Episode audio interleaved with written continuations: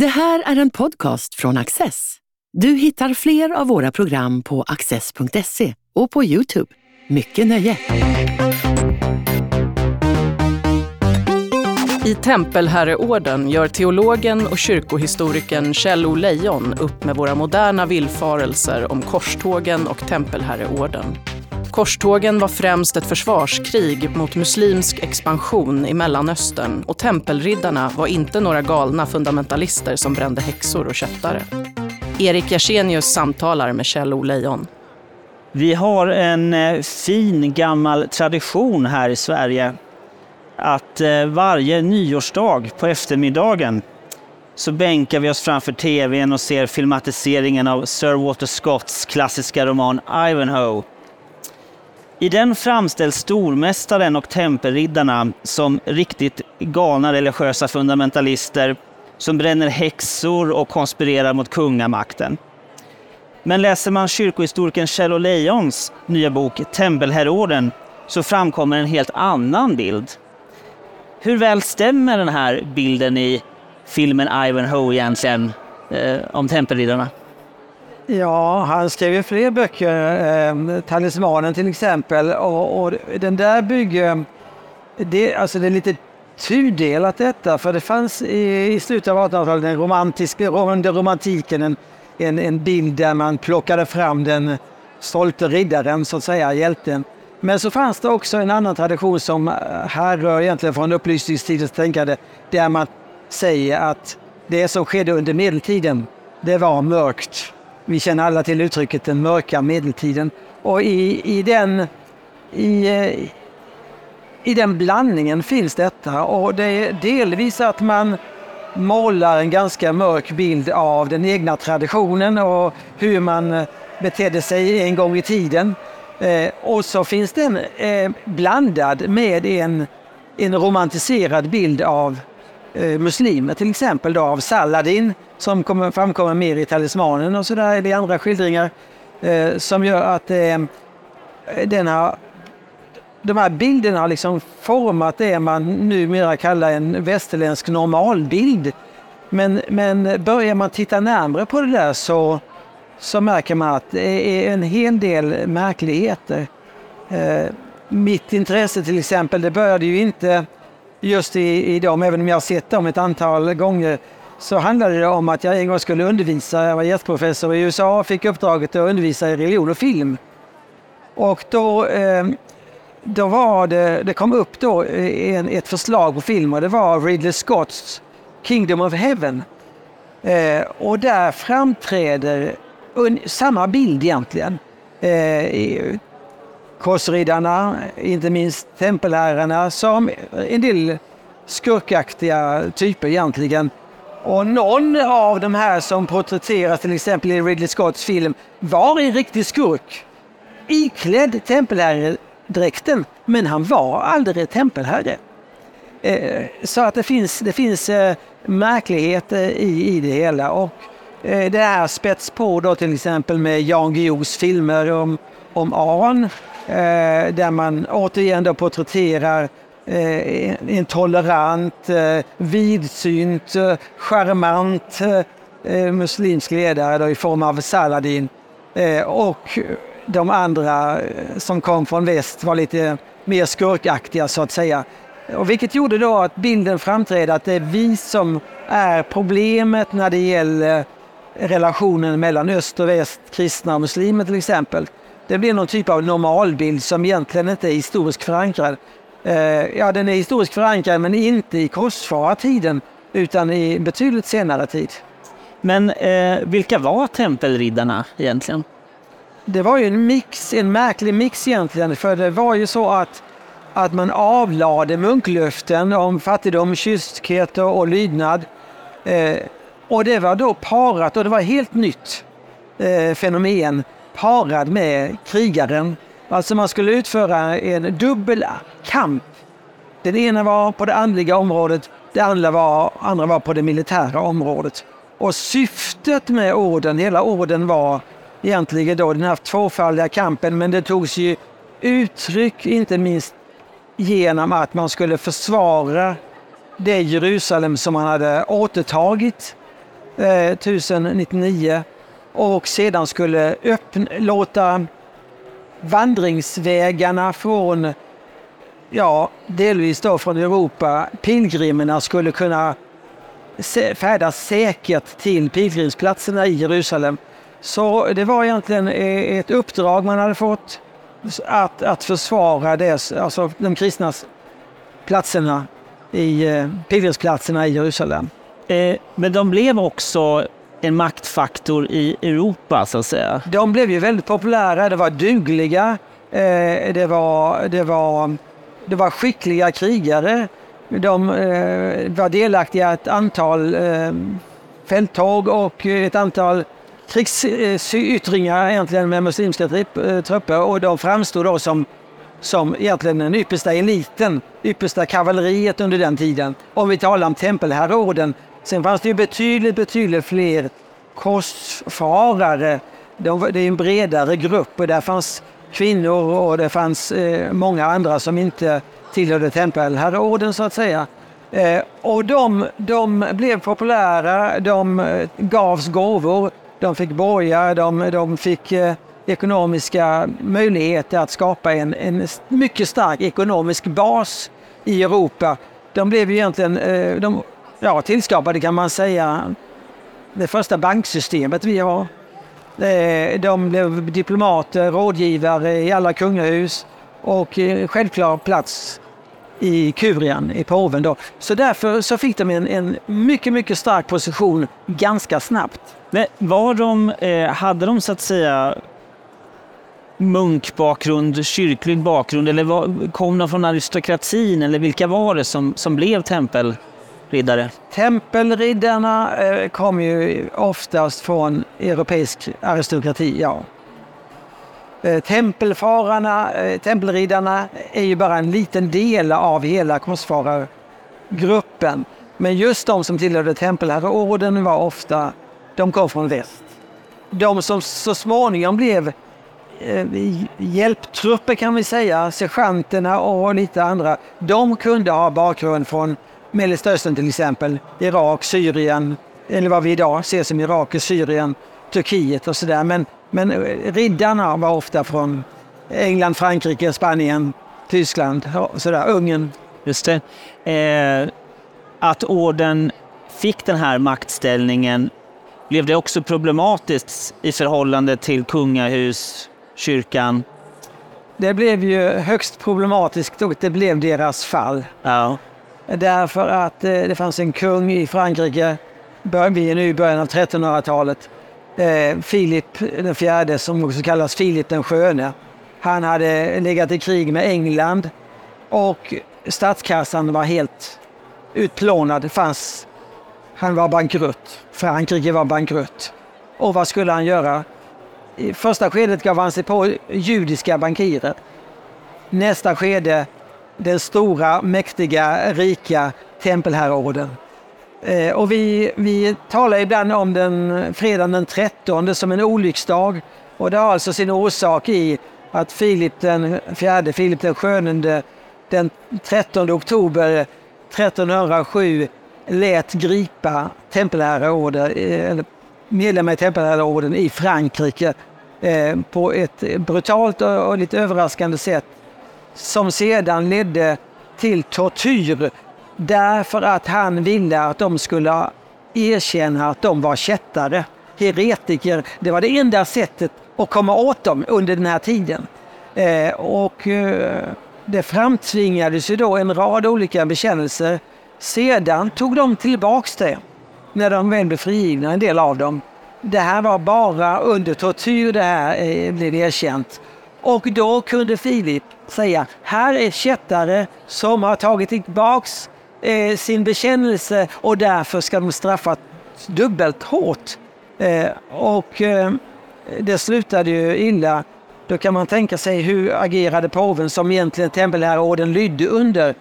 Eh, han var egentligen på deras sida och nyfunna dokument som är ett, en orsak till varför jag har skrivit den här boken är ju att det tagits fram nya dokument vilket visar att de de förhören, de intervjuerna som man höll med tempelherråden ledde till att påven eh, sa att det här är inte av den arten att det kan klassificeras som något kätteri eller någon heresi. Utan eh, om ni i vederbörlig ordning bekänner det som har gått fel, alla begår fel och det har begåtts fel där också. Vissa delar av den tillagda initiativ, ja, initiationsrit var lite märklig och sådär. Men det var inte av den arten att de kunde slås ner på det sättet. Eh, så att eh, det betydde att han, han, han sa, ni varje botgöring så är ni välkomna eh, in i den romersk-katolska kyrkan. Det är, det är inte så att det är fel på orden. Och eh, detta accepterade inte Filip. Clemens den femte som påven hette, var fanns han? På Poitiers, inte i Rom. Utan det här är början av, början av det som kommer att kallas den babyloniska fångenskapen. Han var åldrig, han var trött. Filip körde över honom, körde över orden eh, och så småningom lät han ju bränna den sista stormästaren några år därefter. Eh, Jacques de Molay. Eh, och han, han, eh, det finns en plakett eh, på, mitt i Frankrike där i, i, i Cité då, eh, där, där han brändes. Och det är en av sakerna till att de har fortsatt leva i, ja du kan ju gå till vilken Maxi eller Citygross som är så finns det alltid något historiskt magasin och där står det om korstågen eller tempelherrorden. Eh, och öppnar man dem så finns det en hel del felaktigheter eh, på, gr ja, på grund av ett felaktigt historiebruk egentligen. Men där citeras ofta det som Jacques Molay sa när han skulle brännas ihjäl, eller höll på att brännas ihjäl. Han sa till att, att Clemens, Filip, ni kommer snart att ställas till rätta inför Gud för den orätt ni har gjort. Och inte långt därefter dog Clemens V. Några månader efter det dog Filip den fjärde. Och så sattes det igång. Den andra är ju att en del överlevde ju så småningom och en del talade om, och här finns mytbildning och historia blandat, att man tog en del skatter till England och sen till Skottland och till och med att en del hamnade i, i Kanada. Men det var också det var någon slags etablering av fake news också på något sätt, eller att man beskrev dem på ett visst sätt för att skamfila deras rykte i en offentlighet också, eller? Helt rätt. Ja. Det, var, det var fake news som spreds eh, ganska radikalt. Och det kunde han göra med hjälp av inkvisitorn i Paris eh, som han hade köpt egentligen. Men den inkvisitorn avsatte Clemens den femte efter de förhören han hade gjort. Så det var en, verkligen ett drama här. Vad var det som skulle ha varit heresi det de sysslade med? Eh, ja, det, var, det, det fanns 149 punkter tror jag det var något liknande. Det var, det var ganska många saker man eh, radade upp. Men det, det, hörde, det hörde först och främst till, till det som var initiationsordningen. Inte det som var den ordinära, utan det som tillhörde en tillagd. Och vi vet inte riktigt varför de var tillagda där. Det var förmodligen för att testa de här efter man har avlagt löftena då. Och den sista frågan var, kan ni tänka er att uthärda det outhärdliga? Och då skulle man förstås svara ja. Eh, men eh, till detta följde då en annan, eh, mer rimlig initiation där de skulle ja, hantera vissa saker som man tror hängde samman med hur de skulle kunna utsättas om de blev tillfångatagna. Eh, och det där plockades då upp bland annat som möjlig Var det, eh, för något som slår när man läser om det, eh, om man drar lite långtgående paralleller till vår tid, så är det ju eh, fake news nämnde jag. Jag tänkte också på det här lite post metoo, att man eh, att man klistrar fast en berättelse på någon och till slut så blir det liksom omöjligt. För, för visst var det också det som blev konsekvensen, att, att, att man på något sätt satte orden på paus? Eller? Eh, det var helt rätt, eh, Erik. Eh, det var precis det. Clemens V sa att det här är ingen heresi, alltså så borde de gått fria. Men och efter några år när det skulle fattas ett beslut om detta så sa han att det har kommit så mycket rykten i svang Så att vi kan helt enkelt inte bara fortsätta som vi, som vi har gjort. Och hans tanke var kanske att man skulle, och det var den var tidigare i alla fall, att man skulle slå samman det med Johanniterorden. Men Johanniterna och tempelherrarna var ju två parallella system som, och det ville, ville ju ingen av dem egentligen. Det blev så småningom så att eh, den förmögenhet som tempelherrorden hade, den gick till Johanniterna. Men, men Clemens V som vek sig för eh, Filip eh, fattade det beslutet att vi, vi, gör, vi, vi gör en paus. Och det är ofta så skrivet att den, är, att den stängdes ner och det gjorde den på ett sätt men den, den stoppades aldrig på det sättet utan den, den sattes på paus. Och det dråpliga är här då, och det är en av orsakerna också till varför den är skriven, det är ju att man 2001 så fanns det en, en kvinnlig italiensk forskare som Eh, letade i, i, i, en mängd arkiv, och he, det är det som kallas hemliga påvliga arkiven, och hittade dokument om de här intervjuerna eh, på ett ställe som man inte trodde att man skulle hitta dem. Men när man läste dem, och de har jag med som bilaga för, för att de inte ska se att jag har hittat på något här, utan bilagan kan man läsa själv, eh, alltså anteckningarna då. Hur de förhören gick till med de tre, de fem högsta ledarna egentligen. Eh, och då eh, lades det fram och det klargjordes att Clemens egentligen in, de, han godkände orden och sa att det här är inget heretiskt, nu upprepar jag mig själv här. Detta togs upp sedan 2007 av eh, en tysk professor som är ledare av de historiska vetenskaperna i Kurian och sa det här är, hennes upptäckter är helt korrekta och vi har inget eh, egentligen att, att tillföra det utan det är på paus. Den är inte stängd så att säga. Men vad det kommer att resultera i det vet vi ju inte.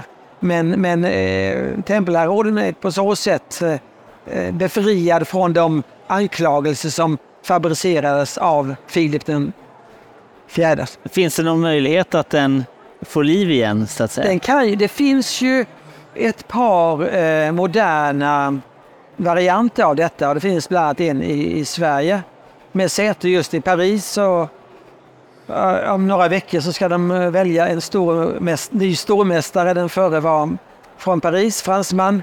Och en av de tre som man kan välja på nu är en svensk, en svensk flygöverste. I den orden så ska man vara kristen och militär. Eh, och han är en gammal flygöverste. Så, ja. Vad, vad, vad gör den orden idag? Så att? Vad, vad ägnar den ägnar sig helt och hållet åt välgörenhet. Ja, de kommer inte få någon militär utveckling. Nej, det är nog eh, inte så att det kommer att bli så. Nej. Eh, tempelriddarna de uppkommer i samband eller under korstågen. Ja. Hur beskrivs korstågen idag, i, framförallt i, i väst, ja. västlandet? Eh, det intressanta är då att det finns något som en del... Eh, det finns inte så många forskare på det här området, men det finns ett par, tre stycken kan man säga. Inte minst en, en, amerikan och en engelsman och så fanns det en tredje som har skrivit ganska mycket om det som heter, eh, som heter eh, Rodney Stark. Då. Sen finns det, amerikanen heter Thomas Madden och engelsmannen heter Jonathan Riley Smith. Då. Och de talar om en, en västerländsk mo, eh, normalbild som handlar om att det som skedde under korstågen har påverkan på muslimsk kristna relationer idag eller relationer mellan väst och öst. Eh, och det är en, det är en väldigt eh, anakronistisk syn. Därför att den första... Man kan gå tillbaka och fundera på varför startade de? Och då är det en, en historia som sällan nämns.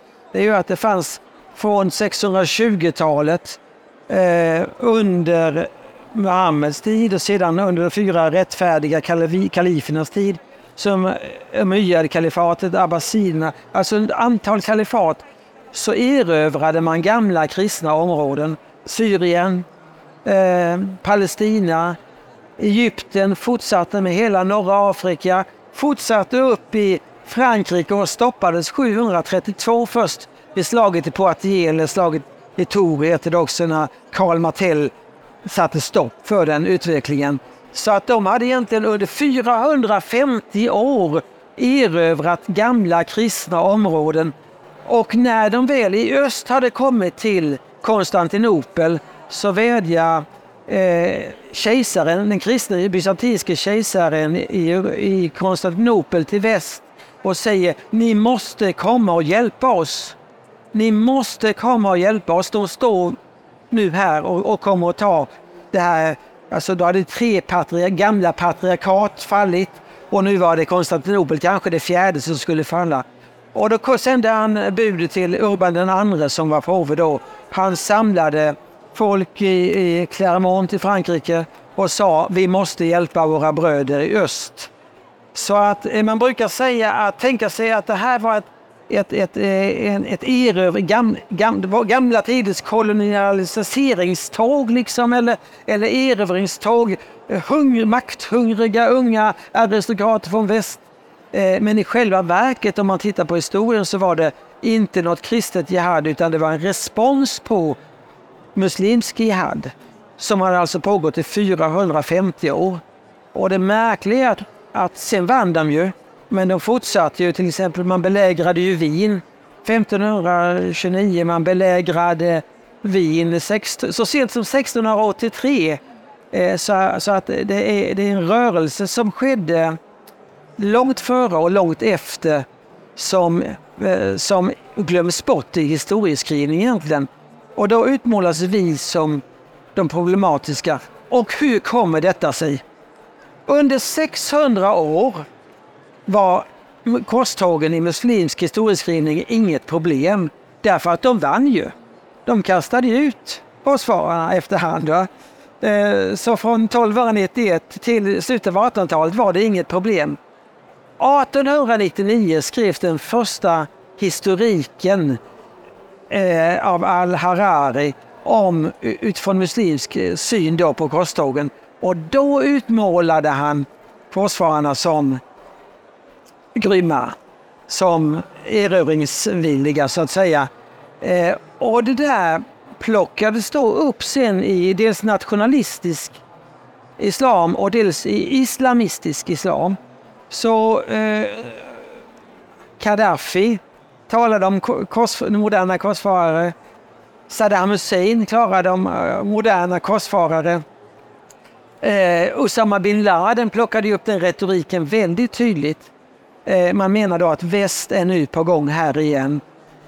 Hariri plockade upp det därför att det fanns fransmän och britter i området under den tiden och sa ni har varit här tidigare, den ska inte gå den här gången heller.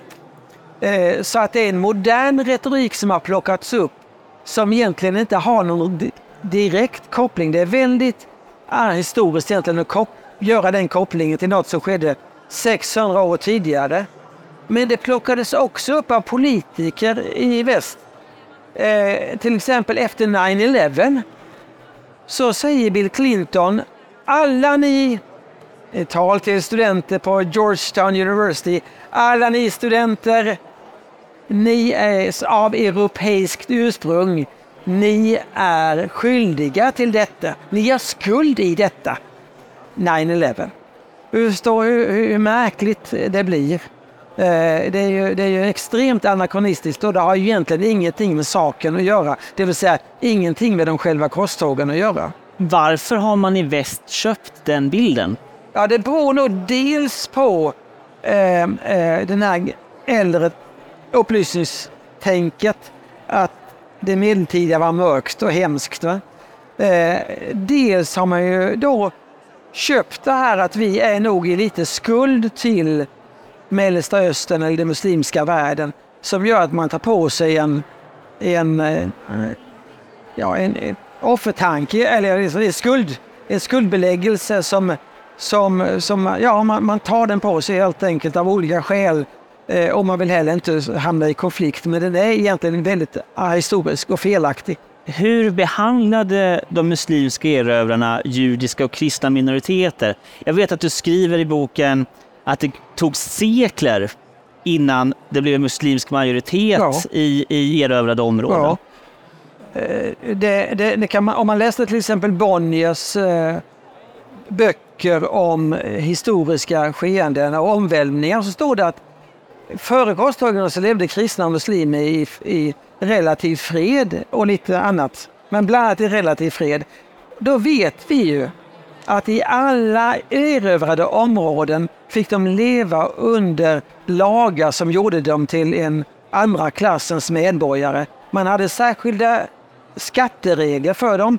De fick beskatta egendom på ett annat sätt, vilket gjorde att de, att de led egentligen. Eh, och det gällde både judar och kristna. Så det var inte så att det var direkt fredlig samexistens. Sedan då blev det ju efter några århundraden och den sociala pressen som låg på de kristna eh, ju, blev det så att en del, en, en del kom att konvertera och så småningom så är ju nästan hela det området eh, ja, styrda av islam. Det finns ju fickor av kristna kyrkor. Östassyriska kyrkan, den koptiska kyrkan. Det finns ju fortfarande en del kristna grupper kvar. Hur behandlade korsfararna när de återtog områden så att säga, eller skapade, hur behandlades den muslimska befolkningen? Eh, det finns ju olika historier. Den, den, stora berättelsen och det som basuneras ut, det är ju det är ju den att de var väldigt våldsamma. Nu var det en våldsam tid, men det var inte mindre våldsamma än, än de muslimska erövringarna tidigare. Sedan finns det några intressanta berättelser. Det finns ju en, en muslim, en arabisk-fransk författare eh, som, som skriver om detta, Amin Malouf. Och han tar upp några berättelser där det visar sig att, att, att eh, muslimer då för, målade områdena som var styrda av tempellärarna i väldigt god anda därför att han menar att de behandlades lika bra. De behandlades egentligen bättre av de kristna än de tidiga eh, muslimerna så att säga. Så det finns lite olika eh, skildringar. Eh, sedan, sedan skriver Maluf lite intressant också att korsfararna, en del av korsfararna lärde sig arabiska. De ville plocka upp den kunskap som fanns i de områdena. Det gjorde därmed inte araberna eller muslimerna när det gäller de kristna. Och det ledde till att han menar att, att väst egentligen eh, eh, behandlade, det, behandlade sina fienden bättre än, än, och på ett rimligare sätt än vad öst gjorde mot väst. Lite intressant. Stort tack Kjell och Ja, varmt tack själv.